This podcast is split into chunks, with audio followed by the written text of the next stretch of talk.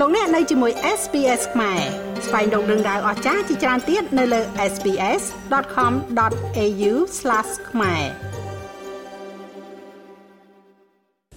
តុលាការស្លាវតូកាលពីថ្ងៃទី14ខែធ្នូបានសម្រេចដំកល់សារក្រមរបស់តុលាការសាលាដំបងរាជធានីភ្នំពេញក្នុងសំណុំរឿងបរិហាកេរជាសាធារណៈរបស់លោកសុនឆៃទុកជាបានការ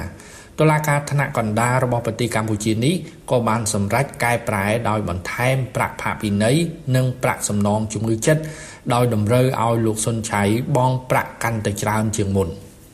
សំណុំរឿងរបស់លោកសុនឆៃដែលជាអ្នកនយោបាយបកប្រឆាំងត្រូវបានប្តឹងដោយគណៈបកប្រជាជនកម្ពុជានិងប្តឹងដោយកោជបដោយសារតែលោកសុនឆៃបានលើកឡើងថា ការបោះឆ្នោតឃុំសង្កាត់កាលពីខែមិថុនាកន្លងមក មានការលួចបន្លំសញ្ញាឆ្នោត និងទិញលក់សញ្ញាឆ្នោត ដែលធ្វើឡើងដោយកោជបនិងដោយគណៈបកប្រជាជនកម្ពុជាដែលកំពុងកាន់អំណាចសំណុំរឿងក្តីនេះត្រូវបានតុលាការសាលាដំបូងរាជធានីភ្នំពេញ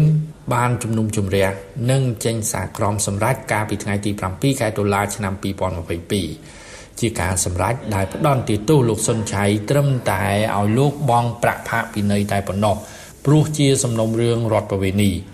ពលគឺលោកសុនឆៃមិនត្រូវបានចាប់ឃុំខ្លួននោះឡើយក្នុងសំណុំរឿងប្តឹងដោយគណៈបកប្រជាជនកម្ពុជានៅតុលាការស្លាវធរពេលនេះចៅក្រមបានសម្រេច ផ្ដន់ទាទោសផាកពិន័យដោយបង្កើនពីចំនួន8លានរៀលទៅដល់10លានរៀលចំណែកការតម្រូវឲ្យលោកសុនឆៃសងជំងឺចិត្តដល់គណៈបកប្រជាជនកម្ពុជាចំនួន3000លានរៀលដែលស្មើប្រមាណ750000ដុល្លារសហរដ្ឋអាមេរិកត្រូវបានបង្កើនរហូតទៅដល់4000លានរៀលឬស្មើប្រមាណ1លានដុល្លារសហរដ្ឋអាមេរិក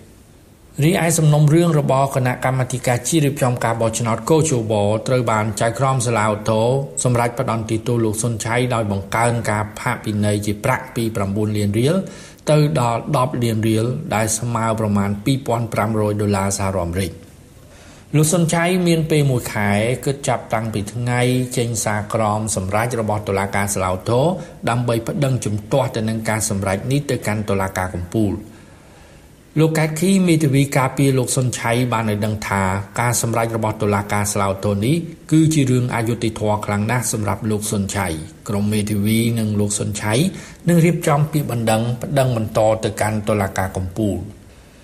ដោយសារតែរឿងក្តីក្តាមនេះចៅក្រមសាលាដំបងរាជធានីភ្នំពេញ កាលពីពេលថ្មីថ្មី បានចេញដីកាសម្រេចរឹបអូសជាបណ្ដោះអាសន្នលើអចលនវត្ថុគឺដីនិងផ្ទះចំនួន2កន្លែង ដែលជាទ្រព្យសម្បត្តិរបស់លោកសុនឆៃ